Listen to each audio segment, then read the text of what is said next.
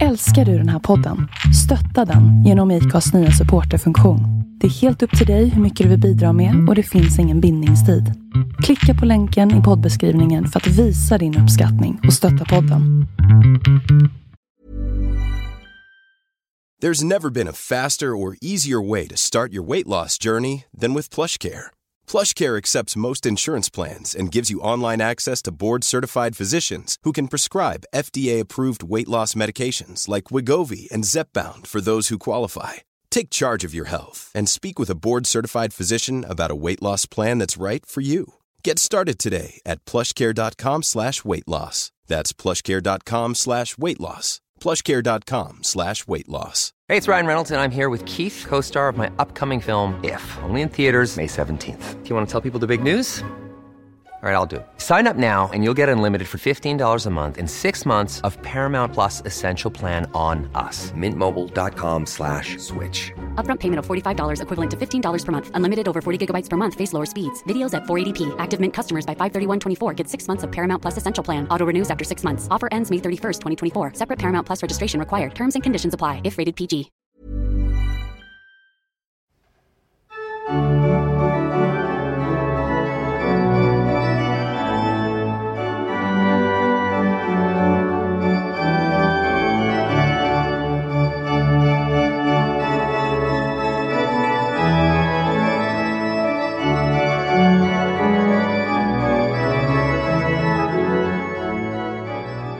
Hej och välkomna till avsnitt 82 av podden Vi går till historien. Och du, jag hälsar dig välkommen också. Tack Fredrik, här sitter jag, Ulf Gemsjö, och eh, nu ska vi fortsätta och se hur det går för våra kusiner. Kung Karl den tionde Gustav, just nu i Polen, men i begrepp att lämna landet. Och vår drottning i exil, nu tillbaka i Rom, Kristina.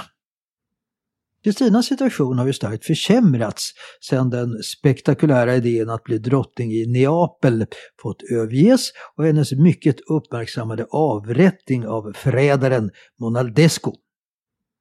Man kan ju undra, jag vet du var inne på det Fredrik förra gången, hur hon hade så att säga makt och rätt att döma honom till döden, e-, eller hur? Det kan man ju fråga sig. E, men, men e, tydligen hade hon en domsrätt över medlemmarna i sitt lilla hov. Hon sa själv efter dådet att hon ägde en härskares rätt att skipa rättvisa över sina undersåtar på alla platser och alla tider. Hon hade ej att, att svara för sina handlingar för någon annan än Gud. Ja, alltså avrättningen i ett av Kristinas rum i hennes våning på det kungliga slottet Fontainebleau blev ju mycket långdragen och plågsam. Hon satt själv i ett angränsande rum medan det pågick. En eh, präst eh, begav sig vid flera tillfällen från avrättningsrummet in till Kristina för att vädja till henne och avbryta de tre tjänarnas makabra avrättning av den förtvivlat kämpande Monaldesco. Men förgäves. Rummet ser tydligen likadant ut än idag. Kanske de många blodfläckarna på väggar och golv bleknat genom åren. Ja, det här ledde ju till att Kristina när hon återvänt till Rom är allmänt avskydd. Inte ens påven vill ha kontakt med henne längre. Påven beskrev Kristina i ett brev till en ambassadör. Född barbar, barbariskt uppfostrad och med en barbars tankar.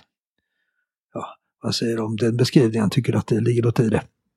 Ja, men jag gillar ändå, det verkar som att eh, bilden av Sverige ändå sett som ganska kyligt och lite brutalt. Och mm. Det återknyter väl kanske lite till vikingatiden. Jag, visste, jag vet inte hur mycket de visste om eh, vikingatiden själva under den här tiden, men äh, återigen med viss stolthet ändå. Då, som jag... ja, hur är det Tegnér skriver? Blott barbarit var en gång fosterländskt. Exakt. Mm. Ja, vi antydde i förra avsnittet att det fanns en man i Rom som förblev hennes förtrogne och som skulle rädda henne. Och det var ju den här kardinalen, du kommer ihåg, Asolino, som är beskrivet som hennes livs kärlek. Eh, utan att hon med honom eller någon annan i sitt liv hade ett intimt förhållande. Eh, den 30-årige kardinalen hjälper den nu 32-åriga exdrottningen med hennes alltid problematiska ekonomi. Han bearbetar påven så att eh, relationen förbättras utan att den på något sätt kunde återgå till den eh, som den förr varit. Och han försöker eh, till och med få hennes utrikespolitiska maktambitioner tillfredsställda genom att engagera henne i faran av en offensiv turkisk expansion mot Centraleuropa, mot Tysk-romerska riket och mot stadsstaten Venedig. Och det här är ju en eh, taktiskt sett mycket bättre idé än att bli drottning i Neapel. Då turkarna är ju muslimer som alla kristna länder i Europa är emot. Hon behöver inte ta ställning men mellan kristna länder som förut eh, Spanien och Frankrike. Men det visar sig att konflikten tills vidare blåser över. Den turkiske sultanen riktar sitt intresse norrut mot Ryssland och Polen-Litauen. Asolino lyckas också för Kristinas räkning hyra ett av de största privatpalatsen i Rom, Palazzo Corsini som det heter idag, Det ligger vid Tibern nära Vatikanen. Eh, och det gör han för en överkomlig hyra då den hade vissa renoveringsbehov. Detta palats blev Kristinas fasta punkt för resten av hennes liv. Men så kommer ett plötsligt och oväntat besked från Sverige som gör att hon beslutar sig för att resa hem. Vad tror du har hänt? Ja, om det här ska vi berätta i kommande avsnitt. Vid flera tillfällen i vår historia har en dansk krigsförklaring paradoxalt nog hälsats med stor tillfredsställelse, kommit som en räddning. Och ett sådant tillfälle var sommaren 1657. Efter en otroligt framgångsrik inledning av kriget där den gamla huvudstaden Krakow och den nya Warszawa samt en stor del av Polen erövrats vände krigslyckan och fienderna blev allt fler. Inte bara Ryssland anslöt sig till dem utan även den tysk-romerske kejsaren. Holländarna ville inte att ett land skulle bli dominerande i Östersjön och den brandenburgske kurfursten Fredrik Wilhelms lojalitet var osäker. Han påminner lite här om eh, eh Johan Georg av Sachsen, Ölgöran kommer ihåg, under 30-åriga kriget. Han, han bytte ju flera gånger sida beroende på den aktuella situationen.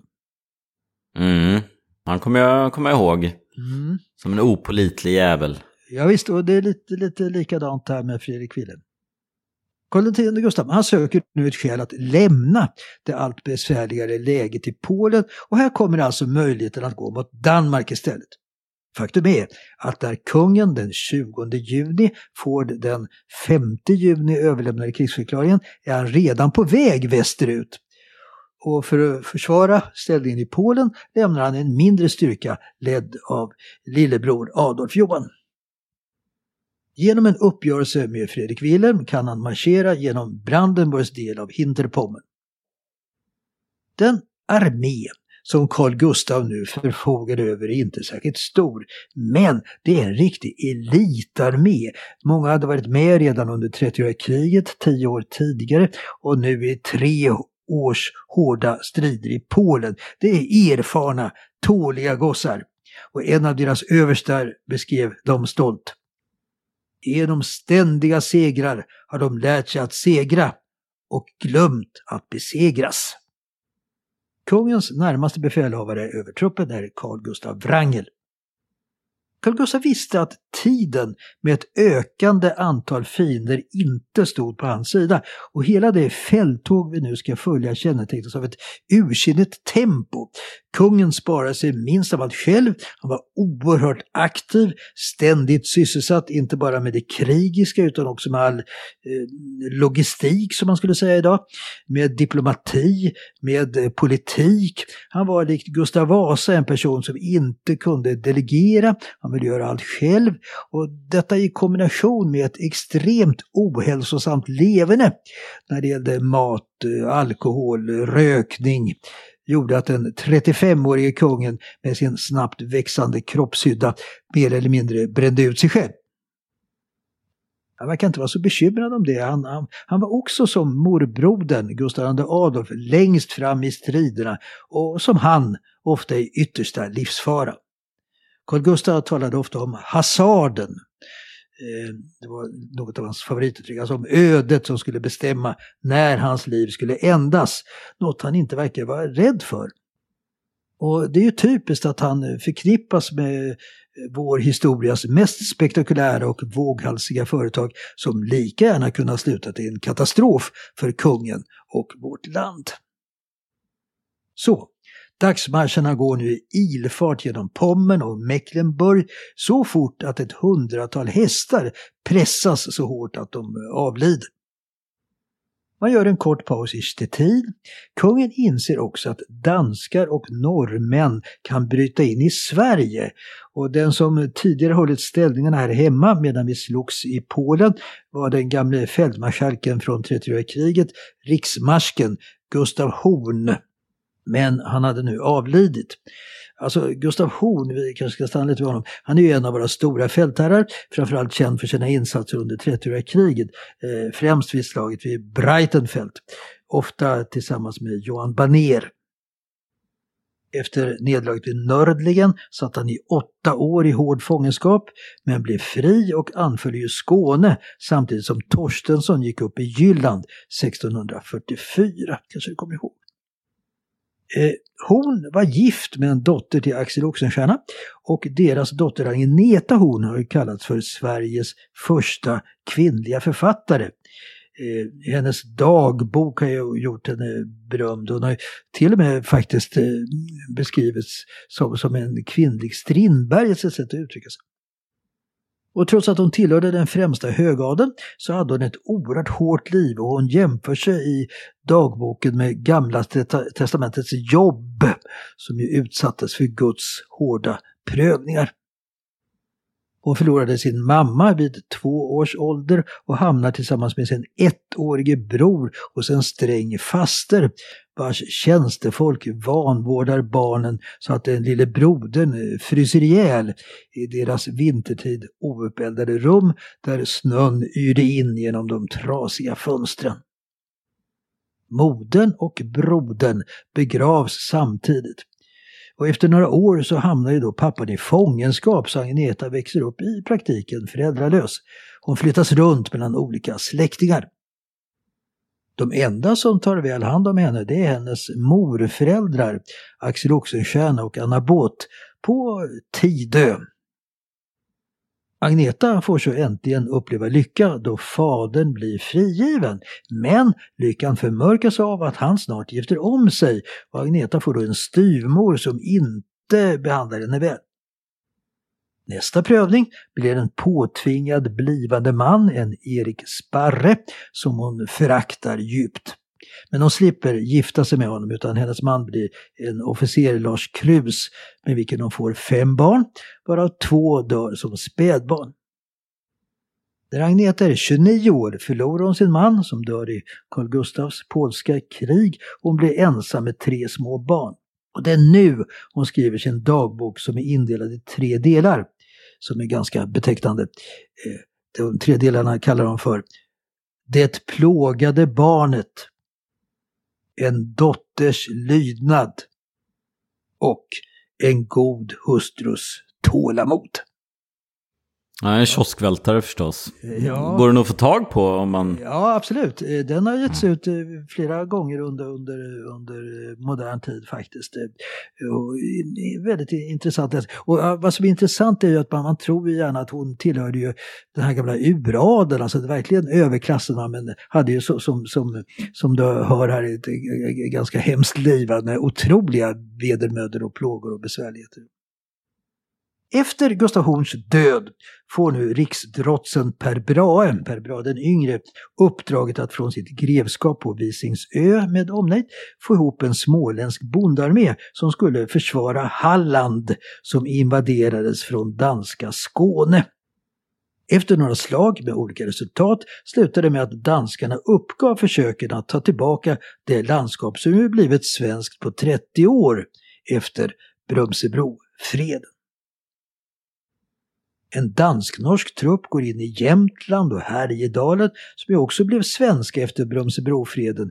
Och där var eh, lojaliteten efter bara 12 år under svenskt styre fortfarande på den norska sidan. Så befolkningen hälsar dem med glädje. Landskapen återtas med lätthet. Men en trupp dalabönder lyckas senare under hösten ta tillbaka Härjedalen.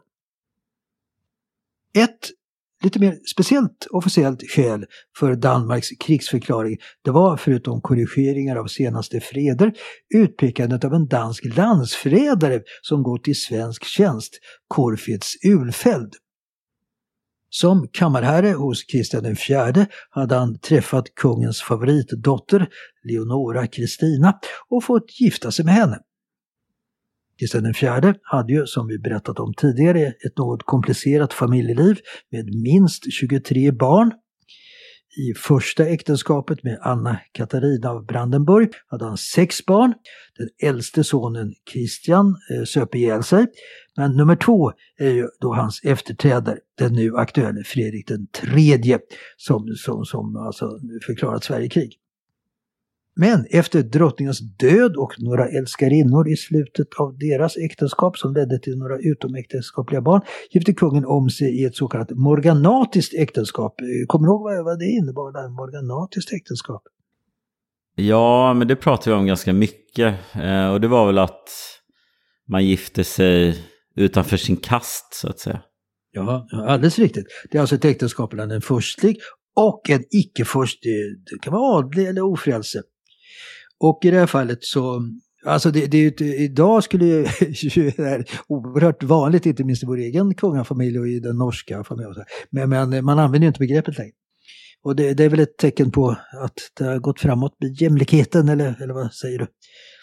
Ja, ja, det var tur du landade där på något sätt. Det, det, man hade ju kunnat landa i att eh, ytterligare ett exempel på hur att Sverige går, att det går ut för men, men jag håller med, det, det går framåt. Det gör vi. Gör vi. Eh, Okej, okay. i det här fallet nu, eh, för att återvända då till Christian, det, det, alltså andra äktenskapet, det morganatiska, det var då med denna Kirsten Munk, som alltså då inte blev drottning.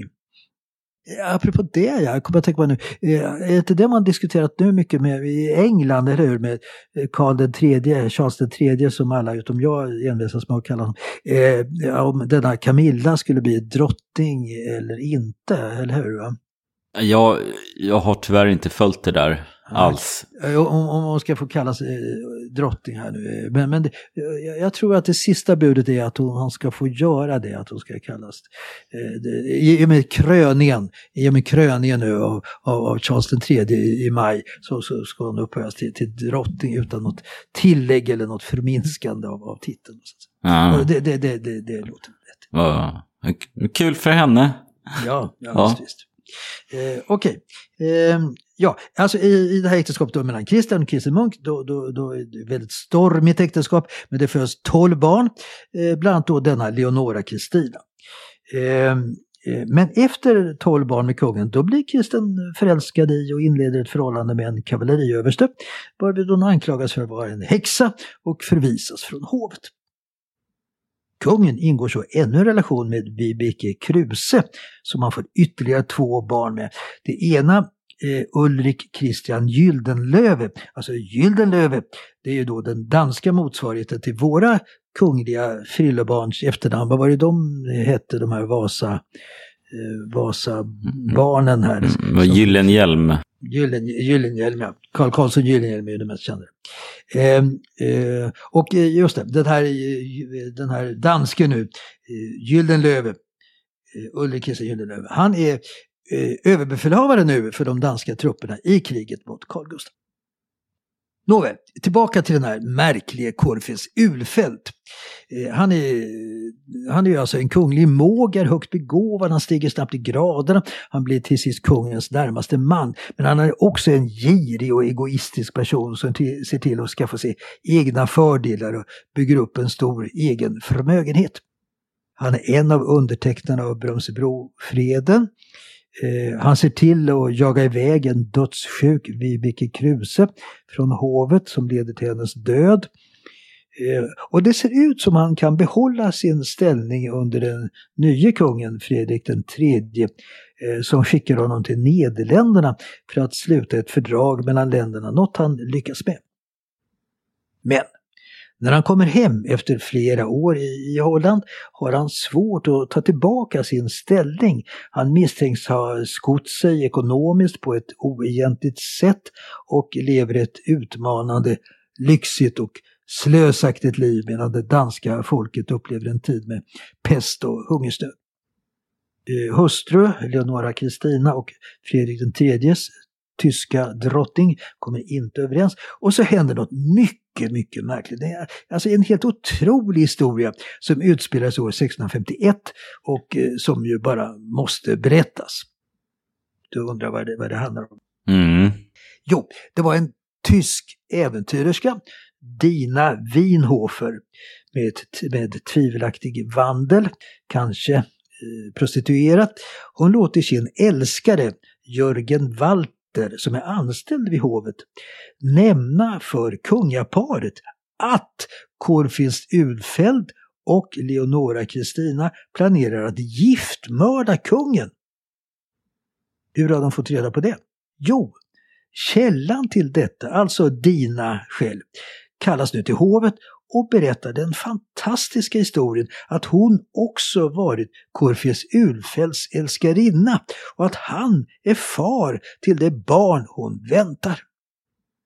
Ulfeldts och hans hustrus mordplaner hade hon fått reda på när hon låg gömd under deras säng och hört dem prata om detta.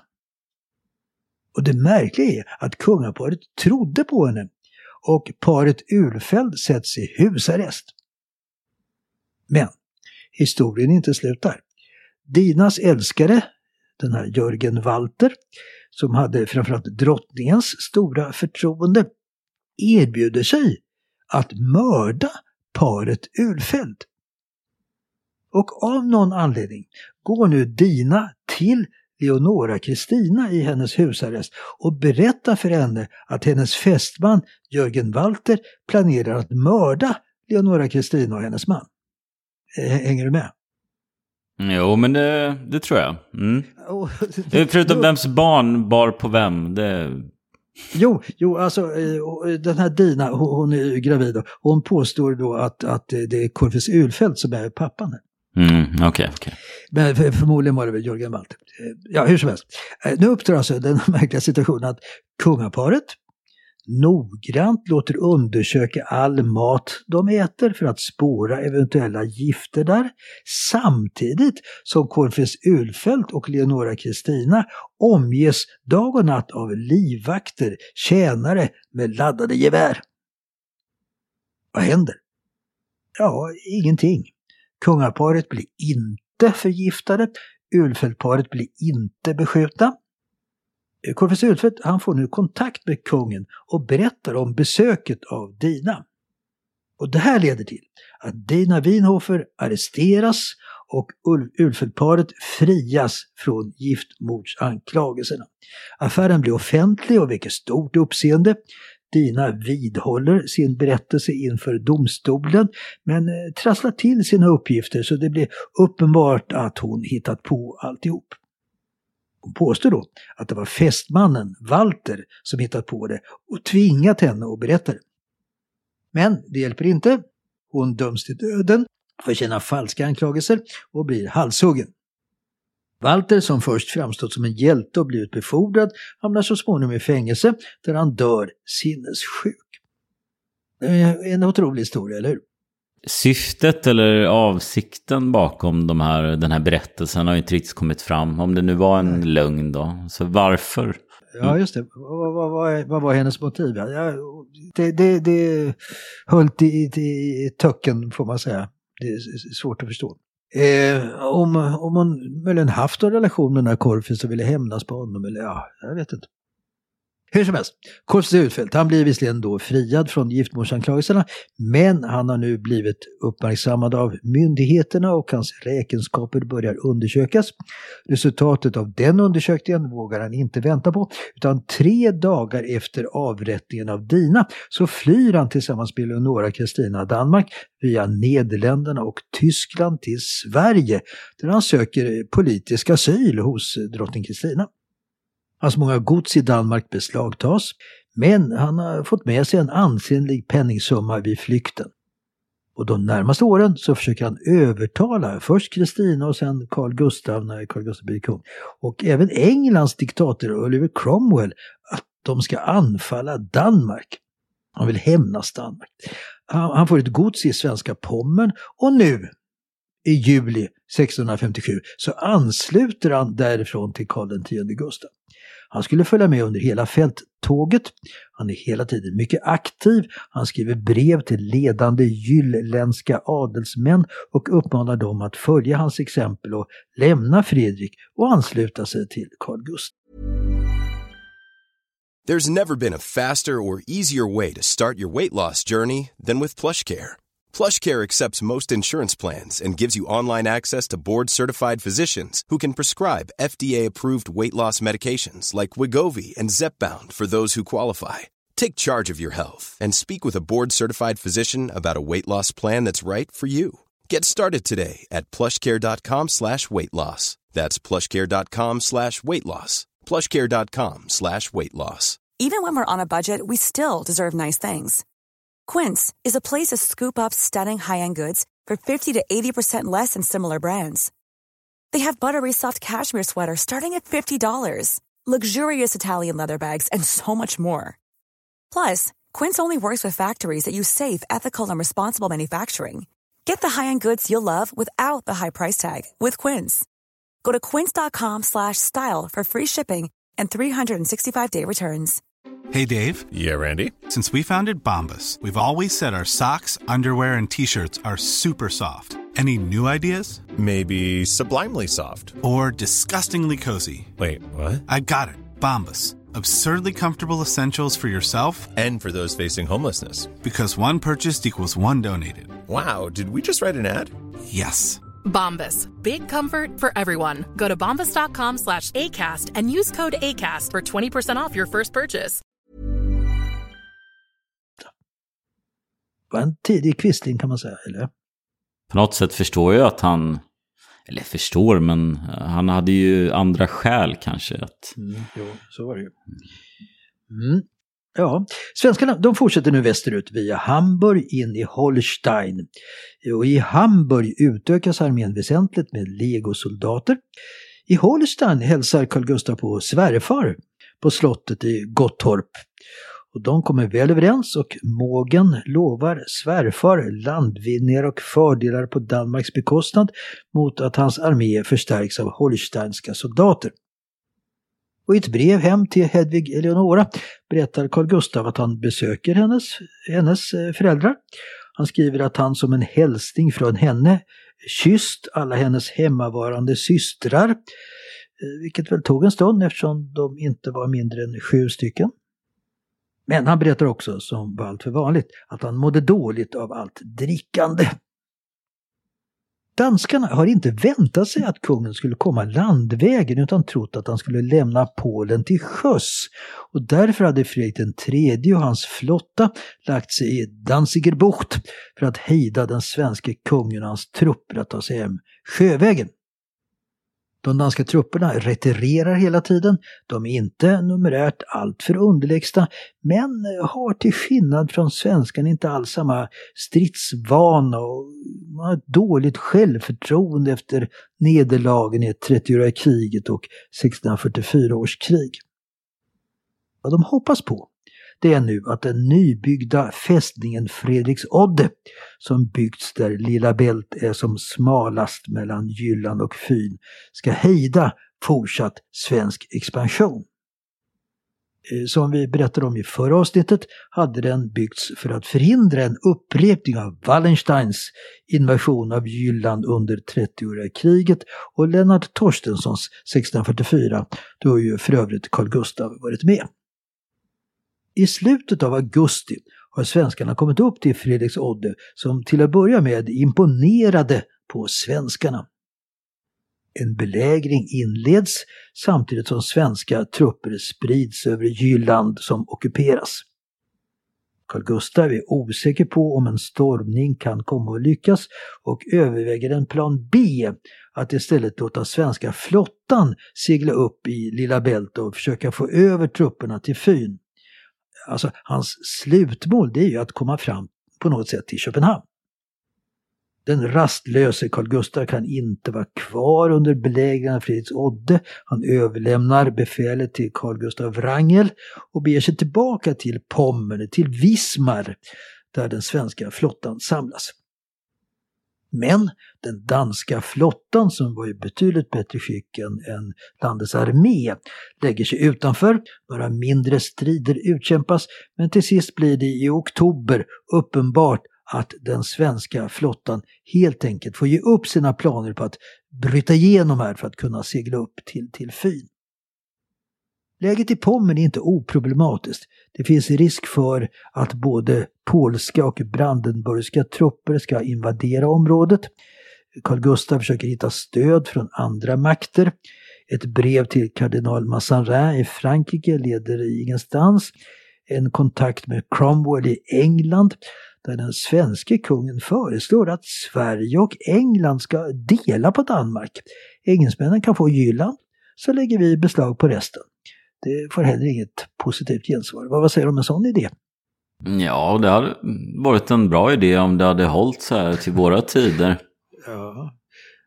Det, det verkar ju alltså som Carl Gustaf, han, är, han, han vill knäcka Danmark helt enkelt, en gång för alla, eller hur? Ja, någonting säger mig ändå att jag hellre skulle vilja ha britter som grannar än danskar. Jag vet inte varför. Ja, ja. Eh, både kungen och Wrangel inser att den enda chansen att komma vidare det är att försöka en stormning av fästningen Fredriksodde. Och i höstnätternas mörker undersöker järva svenska spanare fästningen som visar sig ha svaga punkter. Och här tänkte jag att vi skulle introducera ännu ett intressant namn, en av den svenska stormaktstidens mest kända, nämligen Erik Dahlberg. Har du hört eh, hans namn? Mm, nej. Inte Erik Dahlberg. Att han, att han är en av tidens främsta visar sig att det idag finns ju Erik Dahlbergs gator i ett tiotal svenska städer. Känner, känner du igen någon Erik Dahlbergs gata?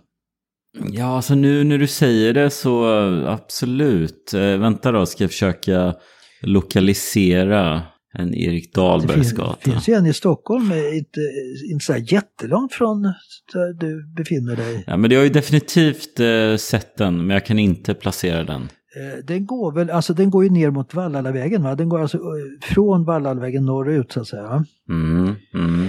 Eh, och det, men det finns också på många andra ställen i städer som vi är bekanta med. I Söderköping till exempel finns det en Erik Dahlbergsgata eftersom man gick i skolan där.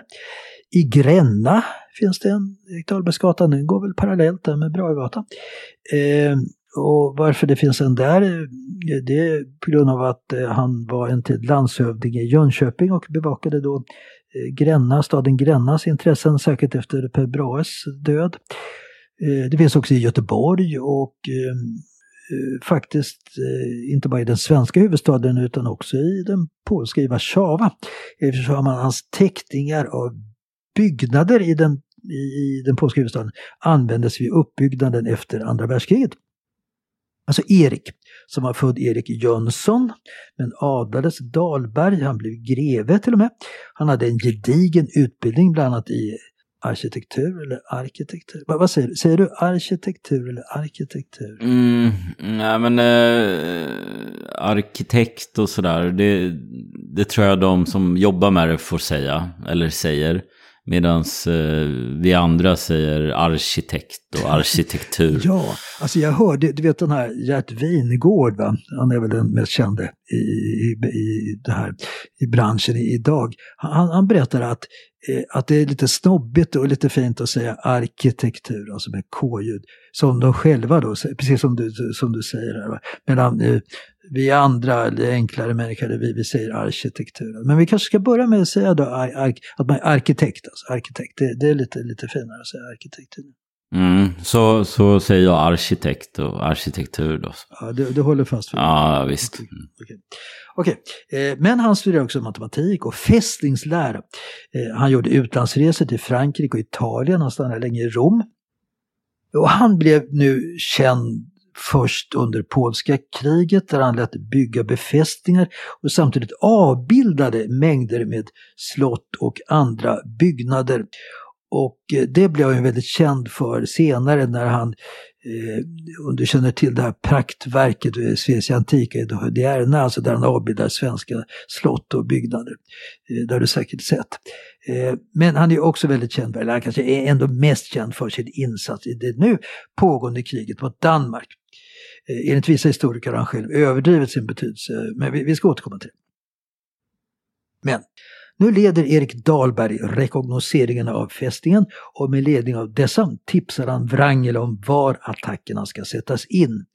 Och den 23 oktober får Wrangel klartecken från kungen att bestämma om, och i så fall när, han vill inleda en stormning av fästningen. Den svenska befälhavaren han sammankallar sina officerare och bestämmer att anfallet ska ske redan följande morgon. Man samlas i den tidiga oktobermorgonens mörker, intar sina positioner. Klockan fem på morgonen går man till attack på tre olika ställen under stridsropet från tredagarslaget vid Warszawa. Hjälp Jesus! Efter två timmar, då solen långsamt börjar gå upp, alltså vid sjutiden, är striden över. Danskarna ger upp, deras befälhavare Anders Bille är svårt skadad och dör efter några timmar. Hjälp Jesus är inte ett jättebra stridsrop.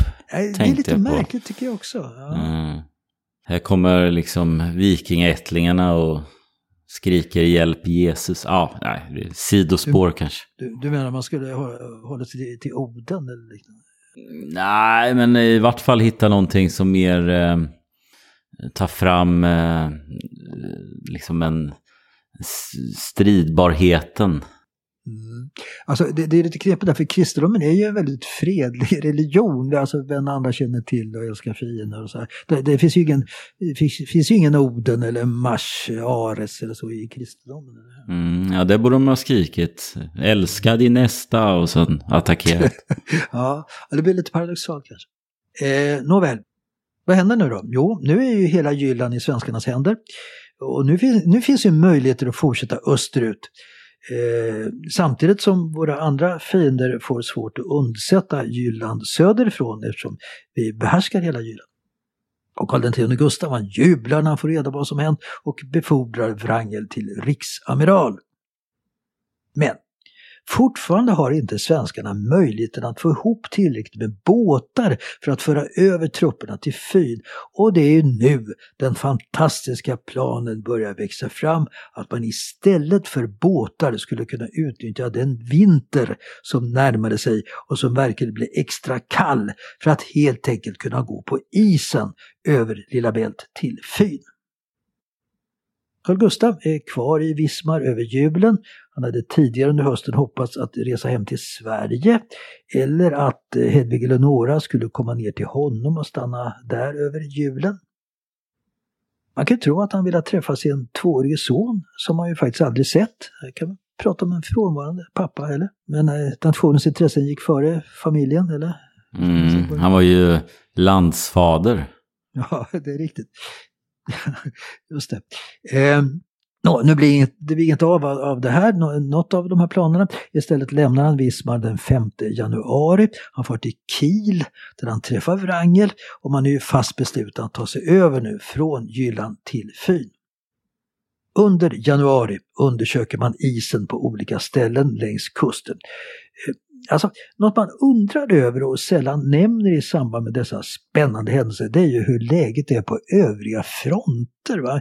Alltså, hur klarar man sig att, att försvara alla olika områden när huvudstyrkan nu är i Jylland kan man fråga sig. Ja, vi kan ju ta en, en kort eh, översikt här. När det gäller Halland, då ledde Fredrik den tredje själv trupper via Båstad mot Halmstad och besegrade där svenska trupper under Gustav Otto Stenbock som tagit över befälet efter Per Brahe. Men de danska trupperna som befarades fortsätta mot Göteborg för att förenas med norska trupper från Bohuslän fullföljer inte framgångarna. Och efter Fredrik Oddes fall lämnar den danske kungen Halland för att åka hem till Köpenhamn och skicka över trupper från Skåne och Själland till Fyn. I Bohuslän har norska trupper under general Iver Krabbe framgångar. i Striderna kallas efter honom för Krabbefejden. De eh, vinner ett slag ungefär vid Lilla Edet. Men precis som i Halland så utnyttjar man inte läget. Eh, fientliga trupper står nu 15 mil från varandra, alltså i Halland och Bohuslän. Och så Göteborg hotas från både norr och söder. Men man avancerar inte vidare, alltså kanske överskattar man den ganska begränsade svenska försvarsförmågan runt Göteborg. I öster, i Livland och Polen, försöker svenskarna med begränsade resurser hålla ställningarna. I Livland, där ryssarna härjar och vid flera tillfällen belägrat Riga, har Magnus Gabriel de la Gardie både det militära och administrativa befälet. Han är till skillnad från sin farfar Pontus och far Jakob, som ju krigat mycket framgångsrikt mot ryssen, Jakob intog ju till och med Moskva. Eh, han är ingen krigare och han fick ofta ta emot sin svågers, han var ju gift med kungens syster Maria i Froside, eh, missnöje. Eh, de la Garde skrev lite patetiskt till Per Brahe att han var rädd för att citat min käre faders och farfaders akvirerade renommé emot denne fienden nu i min person förvissna kunde och gå till intet. Till De la Gardes försvar får man nog säga att han hade en mycket svår situation då Carl Gustaf prioriterade eh, först kampen mot Polen och sen nu mot Danmark. Ryssarna gör också försök att gå in i Finland men slås tillbaka. Man misslyckas också att ta tillbaka det man förlorat vid freden i Stolbova, Kexholms län och Ingermanland. Och till sist så nås en uppgörelse mellan Sverige och Ryssland under våren 1658 och ett vapenstillestånd i december samma år. Återstår så situationen i Polen. Där hade Carl Gustaf alltså lämnat över befälet till lillebror Adolf Johan. En otacksam uppgift. Svenskarna drar sig tillbaka till Pommern där man har fästningar i gott skick. Man har fyra fiender emot sig. Polen, Tysk-romerska riket, Brandenburg, Danmark och fram till följande år då även Ryssland. I det tysk-romerska riket så dör kejsaren Ferdinand III och efterträds av sonen Leopold den förste. Den opolitlige Fredrik Wilhelm i Brandenburg har ju bytt sida igen. Eh, men eh, det var ju när han var allierad med Sverige som han fick Ostpreussen som eh, ledde till det kungarike Preussen som efterträdde Brandenburg i början av 1700-talet som blev en militär stormakt under mitten av 1700-talet. Du kanske kommer ihåg den Fredrik den store va? i mitten av 1700-talet. Preuss, det brukar, det, själva ordet Preussen förknippas med militärmakt och så, eller hur? Ja, och lite, lite pedant, är det inte så också? Ja, Preussiskt. Disciplin. Ja, disciplin kanske, ja, just det. Ja, just det. Och, och Preussen, det är, det är också det som lade grunden sen under 1800-talet till Bismarcks enade tyska kejsardöme det andra riket efter det första tysk-romerska riket och föregångare till Hitlers tredje rike, das Dritte Reich. Man hör inte någonting om att dagens Tyskland skulle vara ett fjärde rike. Det uttrycket har vi inte hört. Nej, jag tror de håller sig lite lugna på den fronten, den mer nationalistiska fronten och rike och sådär, det tror jag.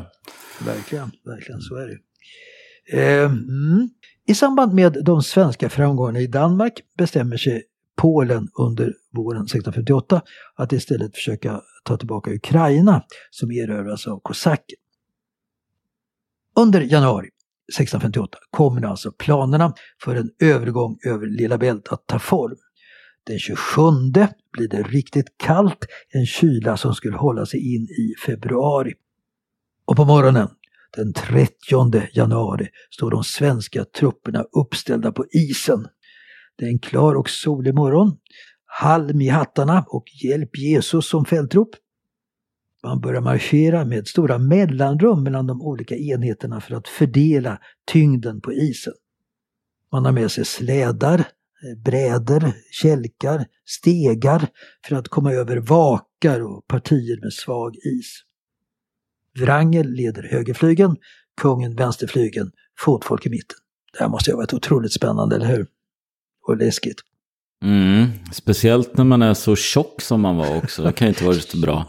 Nej, alltså Carl Gustaf han färdas i en släde dragen av tre hästar Men när han närmar sig Fyns strand så lämnar han släden och stiger till häst. Och strax därefter brister isen och kungens släde med hästar och kusk försvinner i det mörka iskalla vattnet. Återigen lite av, hasarden på kungens sida. Och nu möter danska trupper från Fyn som, möter man de som, som beskjuter de invaderande svenskarna. Ja, hur kommer det här att gå? Jag tycker vi, vi, vi, får, vi får lämna svenskarna på isen här nära Fyns kust och sen får vi berätta vidare om två veckor hur det ska gå i fortsättningen. Mm, ja men det är bra, det är en bra cliffhanger. Vi lämnar dem på isen. Får vi se om de tar sig över. Ja men jättebra. Ja, men, mm. Tack för den här historielektionen. Ja, tack själv för ditt aktiva deltagande och tack alla kära lyssnare. Så hörs vi igen då den första maj.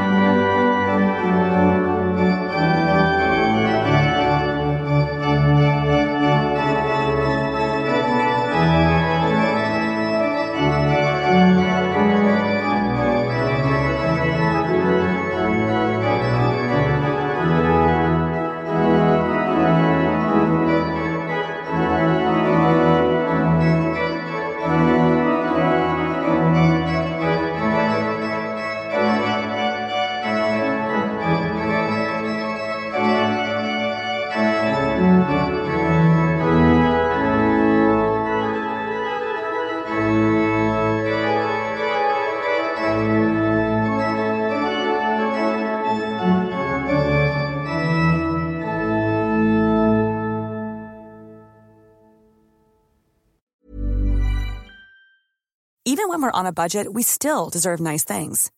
Quince is a place to scoop up stunning high-end goods for 50 to 80% less than similar brands. They have buttery soft cashmere sweaters starting at $50, luxurious Italian leather bags, and so much more.